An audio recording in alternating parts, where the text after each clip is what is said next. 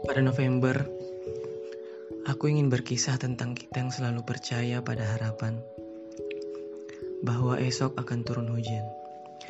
Kita pernah saling meminta bahwa esok kita akan terus seia dan sekata.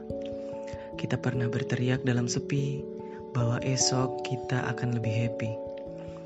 Kita bahkan pernah menuliskan cerita demi cerita hanya untuk mengabadikan kita dalam kata. Tapi Apakah kita akan menjadi kita?